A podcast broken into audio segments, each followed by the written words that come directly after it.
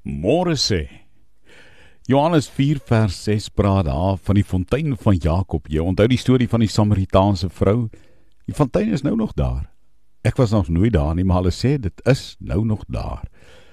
En destyds in daai skadu ryke plekkie in die middel van 'n uitgestrekte snikhete vlakte in 'n woestynagtige wêreld.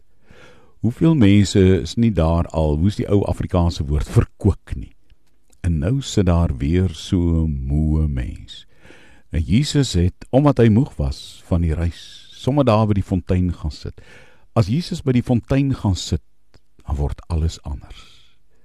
Dis nie 'n towerfontein nie, die water kry geen bo-natuurlike uitwerking, maar 'n geestelike fontein begin in die teenwoordigheid van Christus Jesus opborrel.